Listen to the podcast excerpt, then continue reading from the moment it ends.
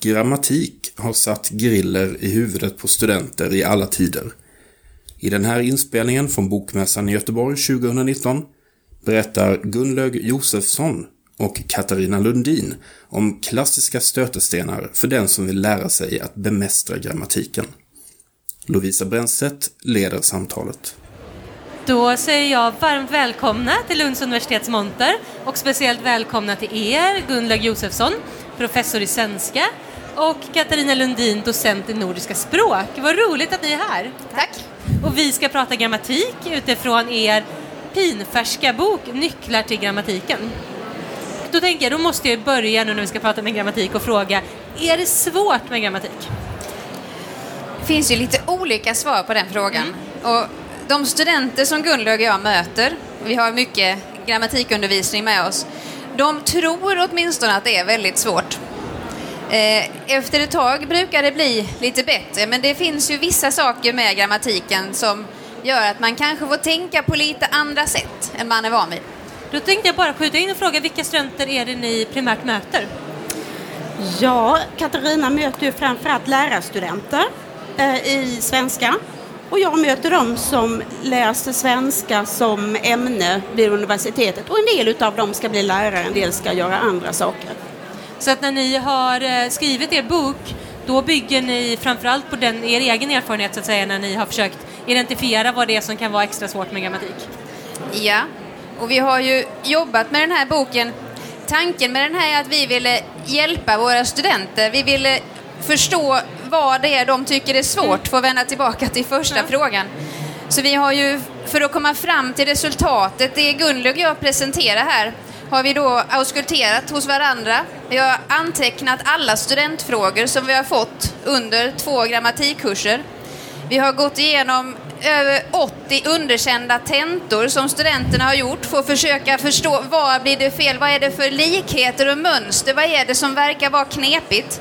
Vi har spelat in studenter när de löser grammatikanalysuppgifter och vi har eh, försökt intervjua studenterna också, men de kan ofta inte sätta fingret på vad som är svårt. Men vad är det då ni har kommit fram till? Vilka moment är det som antingen verkligen är extra svåra eller som studenterna åtminstone har en förutfattad mening att är komplicerat? Tar du Katarina? Ja, eh, en sak som är gemensamt, och det, det, kan vi också förstå att det förhåller sig på det sättet, är att vi är så vana vid att språket är linjärt. När vi läser någonting så kommer orden efter varandra. När ni lyssnar på oss här så får man liksom ett ord i taget. Det är en linjär dimension. Men när man går in och tittar på grammatiken och ska analysera så ser man ganska snabbt att språket har en hierarkisk dimension också. Det finns bisatser, inuti bisatser, inuti bisatser, inuti bisatser. Alltså man får tänka på det här hållet istället. Det är en sak som är gemensamt svår och som faktiskt gör det lite knepigt. Och just bisatser lyfter ni fram i er bok som att det är någonting som är extra svårt. Varför är det svårt med bisatser? Eh, det har att göra med det som Katarina säger om att språket har den här hierarkiska dimensionen. Eh, hierarkisk dimension kan man likna vid den här, ni vet ryska gummor där man öppnar, eller dockor, så öppnar man en docka och så finns det en inuti, så öppnar man den och så finns det en inuti. Bisatsen är en del utav huvudsatsen och inuti bisatsen kan det finnas ytterligare en bisats och inuti den så kan det finnas ytterligare en bisats och så vidare. Och det här att förstå att språket är uppbyggt på det här hierarkiska sättet och att bisatserna är uppbyggda på det här sättet. Det, det är någonting som det tar tid att internalisera. Mm. Ja. Och sen, ja, sen är det också så att de en del när de kommer till oss då har de ju gymnasieundervisning med sig och ibland har de fått lite galna föreställningar. Det är ganska vanligt att man har hört att när man ska titta på en huvudsats så är det huvudsatsen som är kvar när allting är bortskalat. Det vill säga som att bisatsen inte är en del av huvudsatsen. Alltså man har med sig lite felaktiga föreställningar in också. Mm. Så vi ska lära av dem först innan vi kan lära dem nya. Så hur kan man lägga upp undervisningen för att förenkla det här för elever och studenter? Vi, ja. vi jobbar mycket med att jobba med konkreta, riktiga exempel, inte fastna i de här väldigt läromedlen ganska ofta tillrättalagda som är väldigt enkla att lösa. Eh, och vi försöker också vara noga med att de ska förklara varje steg. Alltså hur tänkte du här? Varför kom du till det här resultatet? För då är det också mycket lättare att se vad blev det fel någonstans. Mm. Alltså, så vi tränar dem mycket i att tala om vad de gör under tiden som de analyserar. Så tänker jag att de som sen ska arbeta med, eh, som lärare så kanske det kräver ytterligare en förståelse för jag tänker att jag har en ganska intuitiv förståelse för grammatik och så läste jag och boken är verkligen fylld av bra exempel så började jag inse jag skulle ju nog intuitivt kunna identifiera en bisats men jag vet inte om jag verkligen skulle så att säga kunna förklara varför jag intuitivt förstår att det är en bisats. Och det tänker jag ytterligare en nivå som man också behöver kunna, som, i alla fall som lärare. Absolut. Eh, om jag får anknyta till vad som, vad som är svårt, eh, svårt inom grammatiken och det man ska fokusera undervisningen på.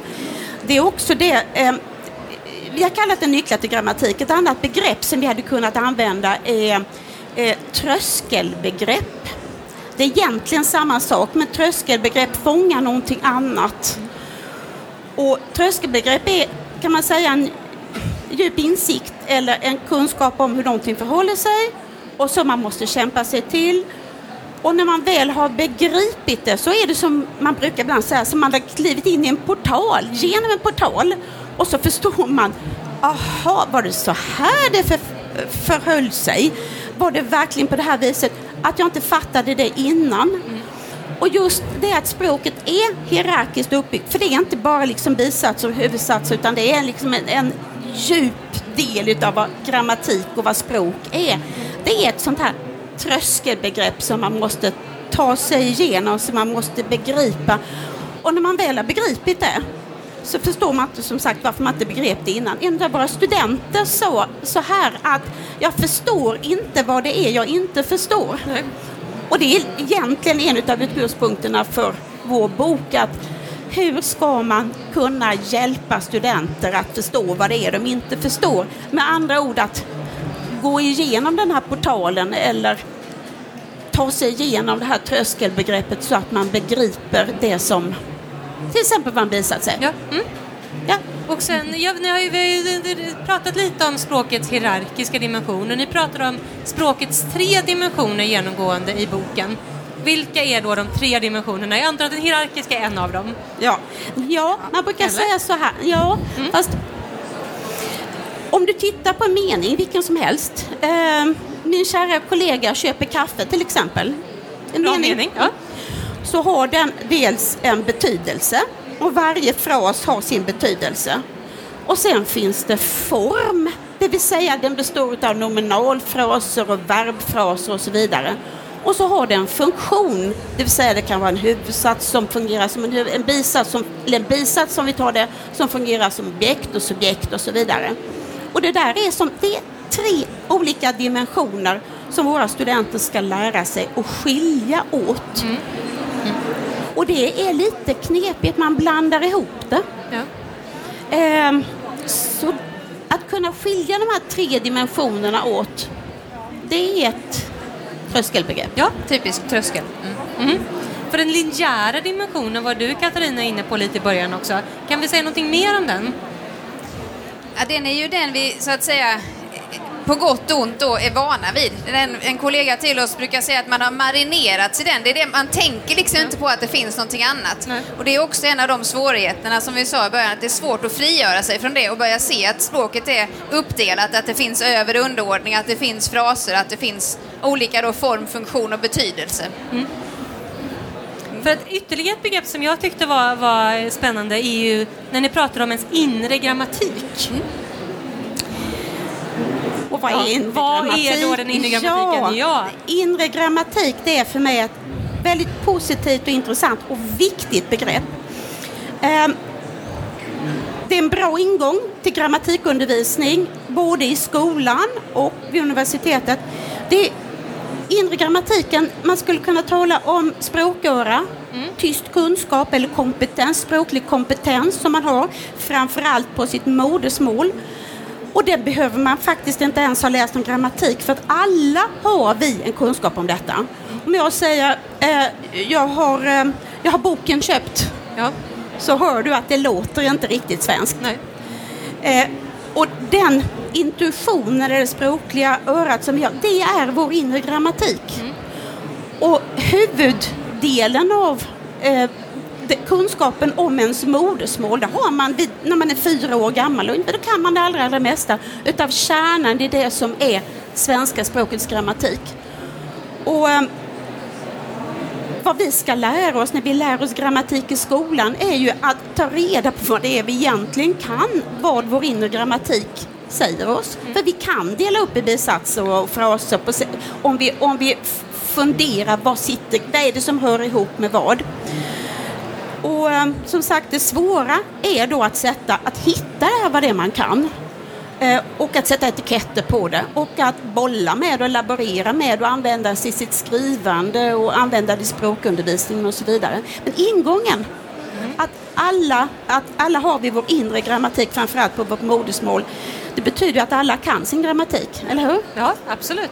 Alla kan bara inte kanske verbalisera Nej. sin grammatik. Och det är så oerhört viktigt att möta de nya studenterna som då kommer och vet att nu blir det jättesvårt, jag kan ingenting av det här, jag har inte läst det på gymnasiet. Har jag läst det så har jag förträngt det. Alltså att de också vet att om man inte hade den inre grammatiken, om man inte kunde den, då skulle vi inte kunna prata med varandra. Vi skulle inte kunna skilja en fråga från ett påstående till exempel. Och det kan alla. I princip, i alla fall när de kommer till oss. Så det lutar vi oss liksom mycket på att vi ska utgå från språkkänslan, språkörat. Och det handlar om då, svårigheten ligger ju inte där, utan svårigheten är att analysera, etikettera, hålla isär dimensioner, hålla isär aspekter. Kan ni då, som ju båda har varit verksamma länge vid universitetet, se att det finns likheter med andra ämnen och andra moment? Ja, Ja, det gör, alltså, så här är det. Det är ju väldigt likt matematik Ja. på sätt och vis. Därför att det handlar om att kunna tänka eh, logiskt. Det handlar om att kunna arbeta med, med abstrakta eh, företeelser och att kunna lösa problem lite grann matematiskt. Det är inte helt och hållet matematik, men det är klart det har mycket med matematik, eller mycket likt matematik. Har ni... En an- Ja. En annan likhet är väl också att de här tröskelbegreppen då, och liksom i matematiken, man måste liksom ha en bra grund att bygga vidare på. Du måste kunna vad fraser är innan du går vidare till bisatser, innan du går vidare till Alltså det är som att bygga en mur. Om den saknar någonting i början så kan man inte bygga färdigt. För det finns ingenting att stå på. Liksom man måste ta ett steg i taget ganska noggrant. Och det är väl matematikens eh, bas också. Bygger på varandra ganska mycket. Så apropå byggstenar, någonting som också var nytt, jag menar min gymnasiegrammatik ligger några år tillbaka i tiden, så någonting som var nytt för mig var att ni, när ni pratar om språkets byggstenar, inte alltid pratar om ord, utan snarare pratar om kanske satser, fraser. Varför har ni valt att göra det? Helt enkelt därför att språket är uppbyggt, det mänskliga språket är uppbyggt på det sättet att det är fraserna som är det viktiga. Fraserna är det som bygger upp satser. Eh, vi talar om nominalfraser eller substantivfraser för att använda enkla ord. Substantivfraser och verbfraser, det är inte de enskilda orden. Och jag tror faktiskt att man kan koppla det till det som Katarina sa, att, att anledningen till att vi så att säga, tror att det är orden som är viktigast är att när vi tittar på skriven text så ser vi orden och vi ser orden med, med mellanrum och det leder oss lite grann fel. Minsta barn kan ju tala om hur många ord det finns i en mening, bara man kan räkna. Räknar man om mellanrum där. Men det är alltså fraserna som bygger upp det mänskliga språket, inte bara svenskan, utan alla mänskliga språk. Och hade vi haft ett par timmar så hade vi kunnat ha en riktigt lång och härlig Underbart, ja. un- lektion om detta. Men eh, mm, det korta svaret är det mänskliga språket är sådant. Ja, ja. Det är ändå ett rimligt svar känner jag. Den här boken då, vem riktar den sig till? Är det till blivande lärare eller är det till om man själv vill alltså förkovra sig i grammatik, förstå sitt egen inre grammatik eller vem? eh, Det är ju, vi har valt att kalla den för en eh, fördjupningsbok. Alltså lite grammatik ska man nog kunna när man tar sig an den. Eh, gärna, man behöver inte ha läst den nyligen, men vi går inte igenom allting från grunden. Så det är inte en grundbok på det sättet. Utan vi har ju valt att lyfta fram och fördjupa oss i och borra och försöka reda ut det som vi har då upptäckt är de svåra delarna. Så blivande lärarstudenter, ja, och våra studenter på våra andra kurser också, men tillsammans med någonting annat. Men även som, nu sa du att du läser grammatik för ganska länge sedan. Det är många yrkesverksamma lärare som också för väldigt länge sedan gjorde det och kan ha den då som ja, fortbildning. Ja, ja. Och sen får vi väl lägga till det att det finns ett avsnitt som, som ger lärare tips om hur man ska kunna jobba med grammatik i skolan. Med övningar där eleverna ska kunna jobba med sin inre grammatik, använda sin inre grammatik och lyssna sig till hur saker och ting fungerar i språket. Gunlög och Katarina, stort tack för att ni kom hit. Tack. En applåd. Tack.